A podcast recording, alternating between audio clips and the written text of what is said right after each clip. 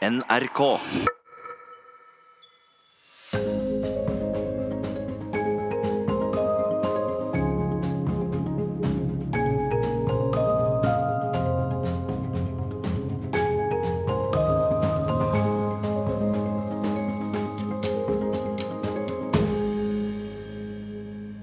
Jeg er 14 år og på museum i min fødeby Gøteborg.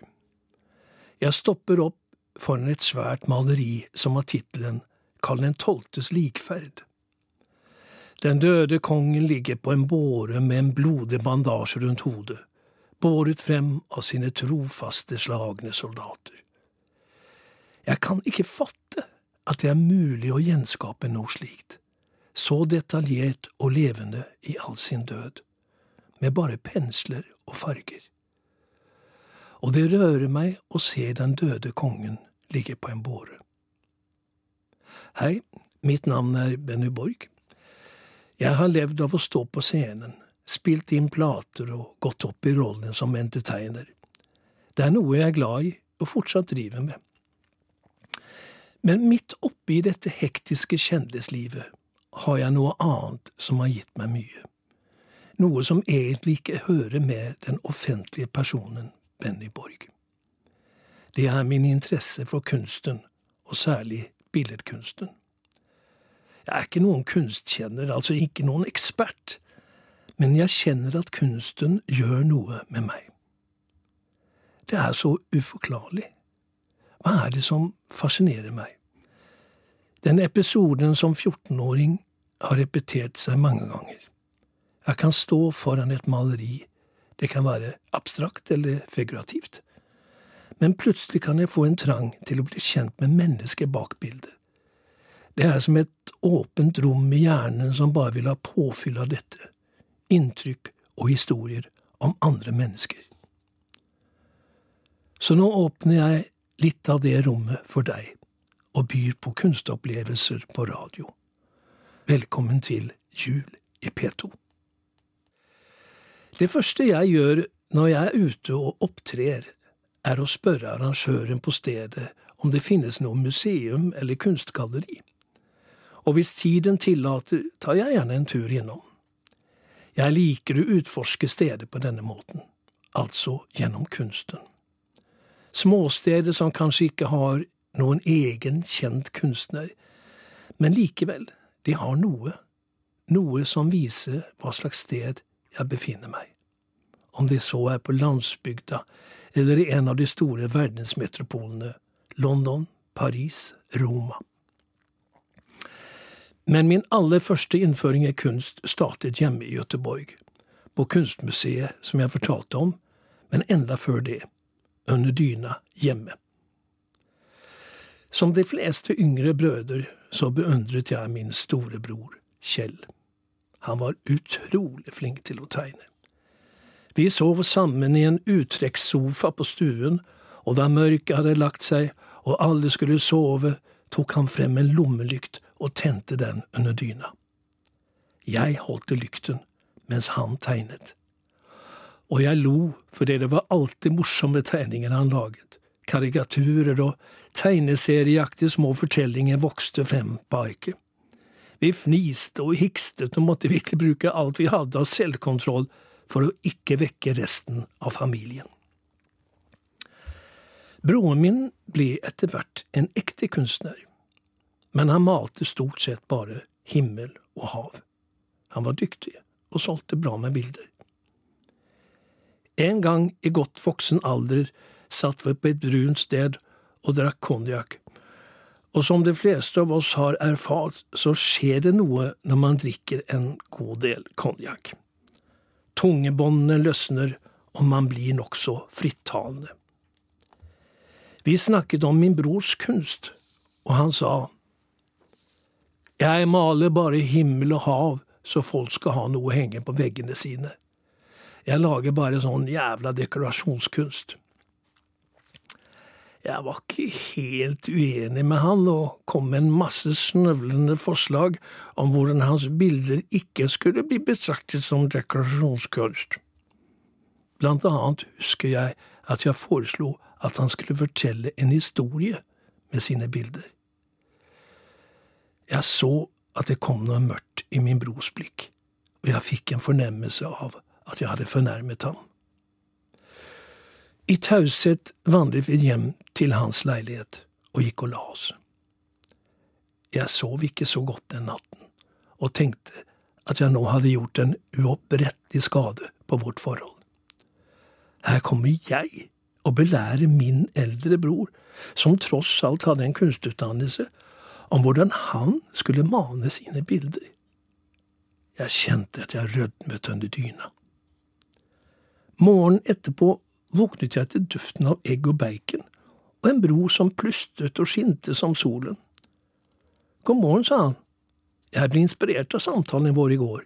Takk skal du ha. Nå som han ikke lenger er blant oss, tenker jeg stadig på denne episoden. Hvordan min interesse for det visuelle inntrykket ble vekket gjennom ham. Jeg er takknemlig for det. Den kunstinteressen som startet der under dyna med min storebrors tegninger, utviklet seg etter hvert til noe mer. Musikk var noe som jeg ganske så tidlig visste at jeg ville drive med. Det visuelle lå alltid der og ulmet i bakhodet.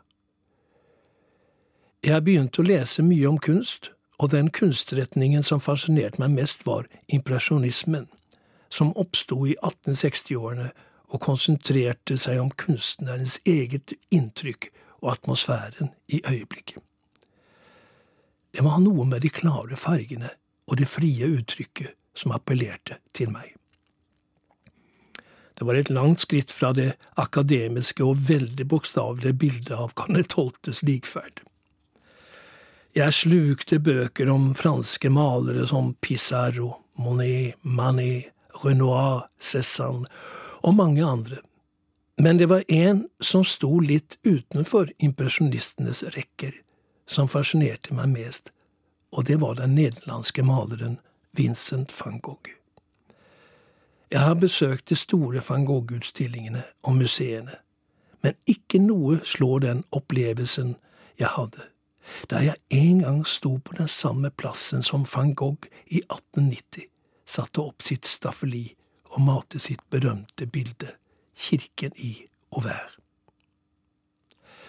Auvers-sur-Oise er stedet han dro til etter at han ble skrevet ut fra asylet i Saint-Remy det samme året. Her tilbrakte han sitt siste år før han tok sitt eget liv.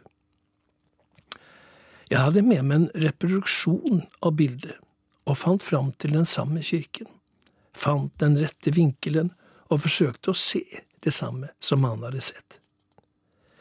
Men da jeg ser en kirke, arkitektonisk med rette linjer, og kanskje hadde tegnet så nøyaktig som mulig det jeg hadde framfor meg, ser van Gogh noe helt annet. Han ser på en måte kirkens sjel. Kirken på maleriet formelig dirrer av brutte linjer. Det ser nesten ut som den står og skjelver. Da jeg ser en kirke, ser han kirkens nerve. Et motiv, to forskjellige syn. Jeg gikk derfra med en følelse av at det var noe jeg hadde mistet på veien mot mitt voksne liv.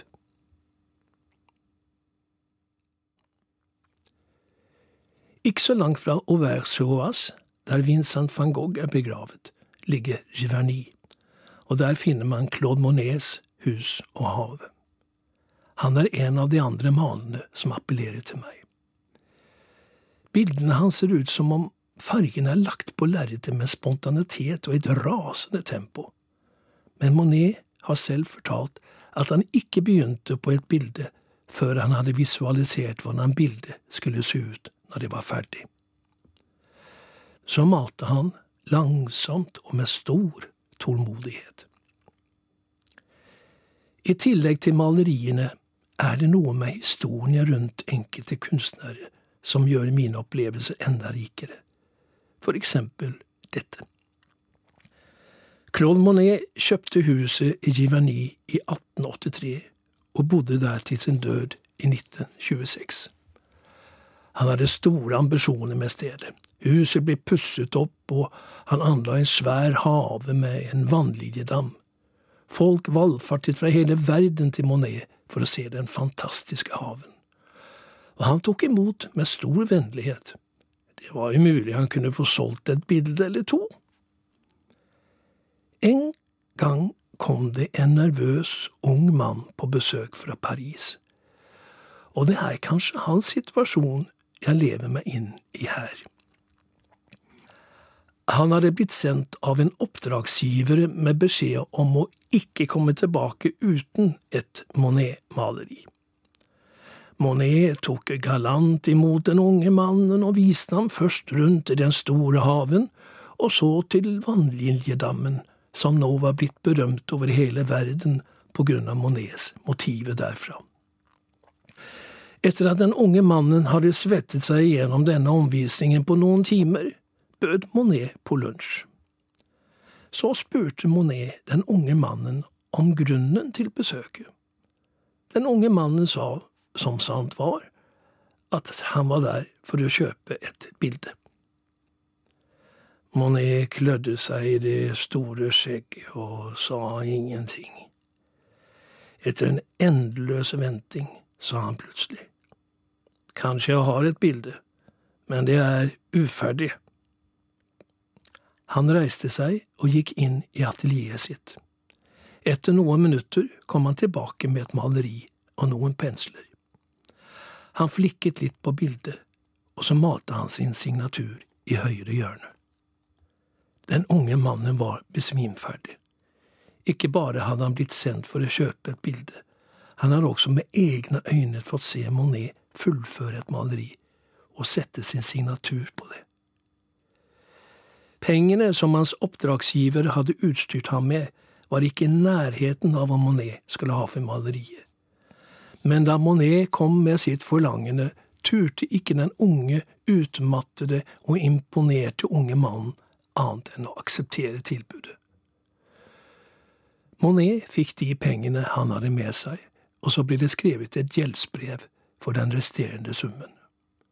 Slik trigget Monet opp prisen på sine bilder ikke så sympatisk. Men også en stor kunstner kan ha en kremmersjel. Julen 2011 satt min kone Liv og jeg på hytta i Hemsedal. Utenfor var det 30 minusgrader, og vi lengtet etter varme. Der og da bestemte vi oss for å se på muligheten til å finne et sted i vårt favorittland, Frankrike. Min kone var meget begeistret for Frankrike og hadde selv bodd der i perioder av sitt liv. Men hvor opptatt hun var av kunst på den tiden, er jeg ikke så sikker på. Den kunnskapen hun etter hvert tilegnet seg, må nok jeg ta ansvar for. Sammen hadde vi mange flotte kunstopplevelser på våre reiser. Etter å ha lett til markedet hele vinteren og våren fant vi til slutt et sted i Syd-Frankrike som vi begge falt for. Fulle av pågangsmot gikk vi i gang med oppussing for å få det slik vi ønsket. Sommeren etter var vi der i hele juli og til begynnelsen av august. Det var siste gangen min kone skulle få oppleve dette stedet. En måned senere falt hun sammen og våknet aldri igjen. Jeg bestemte meg for å beholde stedet og fullføre vårt prosjekt. I fjor sommer, da jeg var der, lette jeg etter en faktura til et firma som jeg trengte hjelp av. Jeg lette overalt. I stuen har jeg et skrivebord med to skuffer. På grunn av en stol som står i veien, blir bare den venstre skuffen benyttet. Jeg åpnet skuffen, men fant ikke dokumentet jeg lette etter. Litt irritert flyttet jeg på stolen, åpnet den høyre skuffen og stakk hånden inn. Ingen dokumenter der, nei. Men innerst i skuffen kjente jeg en opphøyning. Det føltes som en liten bok. Jeg tok ut boken. Den var avlang og så ut som en dagbok. Jeg åpnet boken, og der sto det på første siden starten på en dagbok. Jeg kjente igjen min kones håndskrift. Der hadde hun begynte å skrive om våre første dager i Provence. På tredje siden hadde kulepennen gått tom for blekk, og så var der ingen flere ord. En tid senere omformet jeg denne opplevelsen til en sang, og den vil jeg gjerne dele med dere.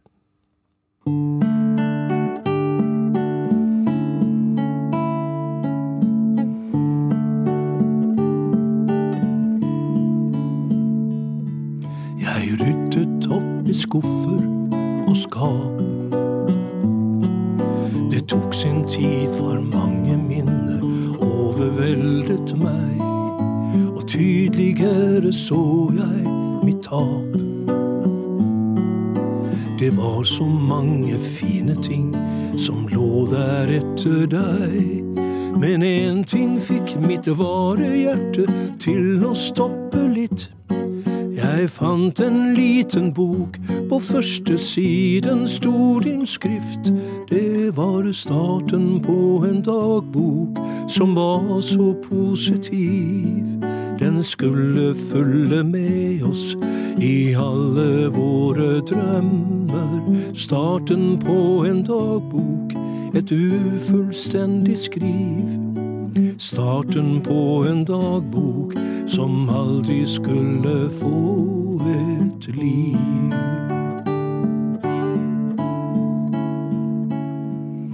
Vi hadde drømt i så mange år om at vi en gang skulle bo i et varmere land.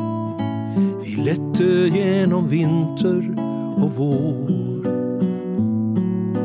Og der i sommersolen lå vårt sted, en drøm ble sann. Det var vel da du handlet inn den dagboken, min venn. Og etter mange svunne år så sitter jeg med den og ser starten på en dagbok som skulle fylles opp med meninger og tanker om alle våre drømmer. Starten på en dagbok, så plutselig ble det stopp. Starten på en dagbok som visnet mens den sto i knopp. Starten på en dagbok som var så positiv. Starten på en dagbok som aldri skulle få et liv.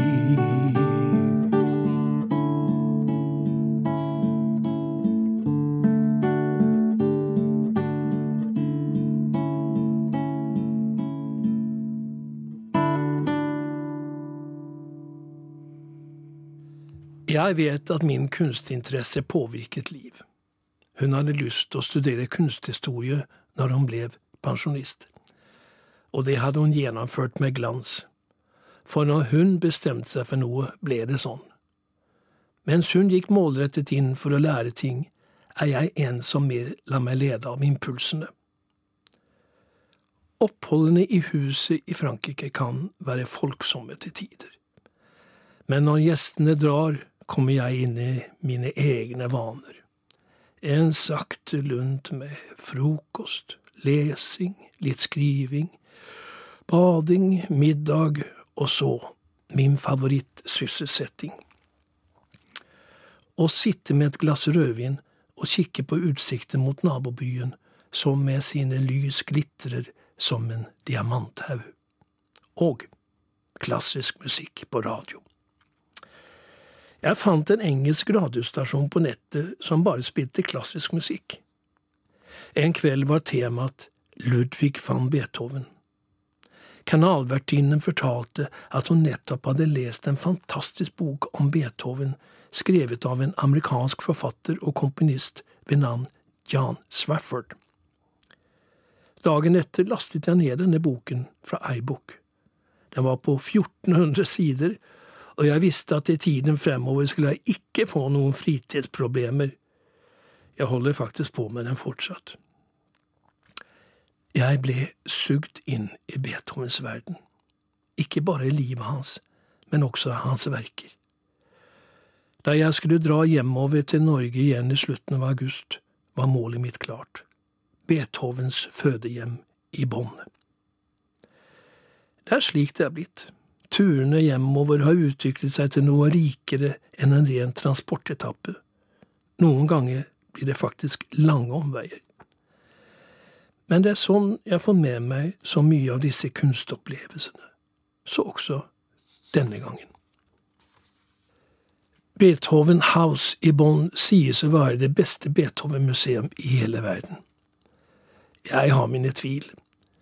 Visst var det mye å se på, men der var også mye påfyll av ting som kanskje ikke hadde så mye med Beethoven å gjøre. Det som gjorde at det ble et minneverdig besøk, var da jeg kom opp til tredje etasje i huset til det lille rommet der han hadde blitt født. Like utenfor rommet sto to dødsmasker av Beethoven i hver sin monter. Ved første øyekast så de helt like ut, men ved nærmere øyesyn så jeg at det var en forskjell. Den ene masken så ut som om den hadde vært delt på midten og så støpt sammen igjen. Jeg tok frem brosjyren jeg hadde fått, og der fant jeg svaret. Allerede som 30-åring begynte Beethoven å få problemer med sin hørsel, og det tok ikke mange årene før han var totalt døv. De aller største verkene til Beethoven ble til mens han ikke hørte en eneste tone. Det er ufattelig. Da Beethoven døde i mars 1827, bare 56 år gammel, var han allerede en legende. Tusenvis av mennesker fulgte hans kiste til graven. Akkurat som nå var det mange som den gang forsket i legevitenskap, og man var veldig nysgjerrig på hva som hadde forårsaket Beethovens døvhet. Så da sagde helt enkelt et legeteam Beethovens hodeskalle tvers over på midten for å se om de kunne finne svaret på det. Så støpte de hodeskallen sammen igjen og lagde en ny dødsmaske. Det fremgikk ikke om de fant noe svar. Å stå ved rommet der Beethoven utstøtte sitt første skrik, og samtidig se disse to dødsmaskene bare en meter unna, var en sterk opplevelse. I begynnelsen av 1980-årene ble jeg oppmerksom på Lars Hertevik, denne norske kunstneren som er blitt kalt Skandinavias van Gogh. Jeg tror ikke han fikk dette epitetet på grunn av at deres kunst var så sammenfallende, men heller fordi de begge var litt sinnsforvirret. Lars Hertvig fikk sin kunstutdannelse i Düsseldorf og Kristiania, og studerte for blant annet Hans Gude. Men han var plaget av psykiske problemer, og det gjorde at han ble umyndiggjort da han bare var 28 år gammel, og levde etter det i den ytterste fattigdom. Men bildene han malte før dette skjedde, er noe av det sterkeste som noen kunstner i Norge har utført. Jeg må innrømme at jeg blir dratt mot disse mørke, mystiske maleriene med vridde furuer og skremmende mose. Ja, den kan faktisk være skremmende, også fordi hans livshistorie er så ufattelig tragisk. Med dette som bakgrunnsteppe kom jeg en gang til Tysvær, som ligger noen mil utenfor Haugesund. På kvelden skulle jeg holde konsert i Tysvær kulturhus. Som så ofte skjer, ble jeg kontaktet av en journalist fra lokalavisen. Journalisten var en hyggelig kvinne, og etter å ha snakket om løst og fast en stund, sa jeg, er det ikke slik at vi er i Lars Herteviks landskap? Dette kunne journalisten bekrefte. Han var født på Borgøya, like utenfor Tysvær. Jeg delte mine erfaringer om Lars Hertevig og samtalen med journalisten utviklet seg til noe helt annet enn å spørre meg om hvordan det er å være svensk i Norge, som er et av de vanligste spørsmålene jeg har måttet leve med i alle mine år i Norge. Så sa hun, jeg vet at banken her på stedet har noen originale bilder av Lars Hertevik. Jeg kjente at hjertet hoppet over slaget, slag, og jeg sa, hva er det du sier? Har banken originale Lars Hertvig-bilder hengende på veggen. Nei, svarte hun, det ligger i bankfag. Men jeg kjenner banksjefen. Skal vi gå dit og spørre om vi kan få se dem? Jeg så på klokken. Det var snaut med tid, men dette vil jeg ikke gå glipp av. Vi gikk de 200 meterne til banken, hilste på banksjefen, og før jeg visste ordet av det, sto vi alle tre nede i bankhvelvet. Banksjefen låste opp et skap, og der sto de, de originale Lars Hertvig-bildene. Jeg gispet. Banksjefen gikk til sitt og overlot bildene til journalisten av meg. For en tillit. De bildene jeg holdt i min hånd, var akvareller som Lars Hertvig hadde laget da han var som fattigst. Han hadde ikke råd til å kjøpe verken lerret eller papir, så han brukte de materialene han kom over. Det kunne være brukt papir eller papirsøppel som blir kalt kartongbunner. Det var en rørende opplevelse å se disse akvareller, så godt utført på så skrint underlag. Nå spør kanskje dere som sitter der ute. Han som skryter av å være så kunstinteressert, har han ikke selv prøvd seg på å male bilder? Jo da, det har han, og med full entusiasme. Min malerkarriere varte i noen år i 1980-årene. Jeg var den glade amatør, men så mistet jeg interessen, og jeg skal fortelle hva som skjedde. Som de fleste av dere vet, så bruker jeg mye av min tid på å stå på scenen, og det er som å gå til en eksamen hver eneste kveld. Du blir bedømt av kritikere og publikum, og du må gi jernet hver gang. Det å male bilder var for meg en kontrast til dette livet. Jeg malte bare for meg selv, og hadde stor glede av det. Men ryktet spres fort, og snart fikk jeg tilbud om å holde utstillinger. Det sa jeg selvsagt nei til, men hadde selvinnsikt. Så gode var ikke mine bilder. Men jeg ville lære mer. Jeg fant en maleskole som holdt til på Ile de Ré like utenfor La Rochelle på vestkysten av Frankrike. Siden dette var et ukjent sted for meg, så regnet jeg med at flesteparten av Norges befolkning heller ikke hadde hørt om det. Her trodde jeg at jeg kunne være anonym, og jeg regnet med at de andre deltakerne var mer interessert i å male bilder enn å bry seg om meg. Skolen ble drevet av et norsk ektepar som engasjerte profesjonelle norske instruktører. Og det var vel og bra. Men når de også engasjerte en journalist fra den kulørte pressen, som i lønndom skulle følge med på det som jeg gjorde på skolen, ble jeg skuffet. Hadde vertskapet spurt meg om det var ok at det kom en journalist for at de skulle få litt omtale, så er det ikke utenkelig at jeg hadde stilt opp på et bilde eller to. Men når det sniker seg inn på meg, blir jeg bakstreversk. Moralen ved å fortelle denne historien er at noen ganger kan det være livsviktig å ha noe som betyr noe for bare deg, og som ikke nødvendigvis må vises frem for hele verden. Etter denne hendelsen la jeg mine malerambisjoner på is. Men som en venn av meg pleier å si, is smelter når den kommer inn i varmen. Og når vi snakker om varme Jeg har holdt på med å skrive om alle disse kunstopplevelsene mens jeg har vært på hytta i Hemsedal. Stedet der familien samles til jul. Det er en egen varme med akkurat det. Tusen takk for meg, og fortsatt god jul.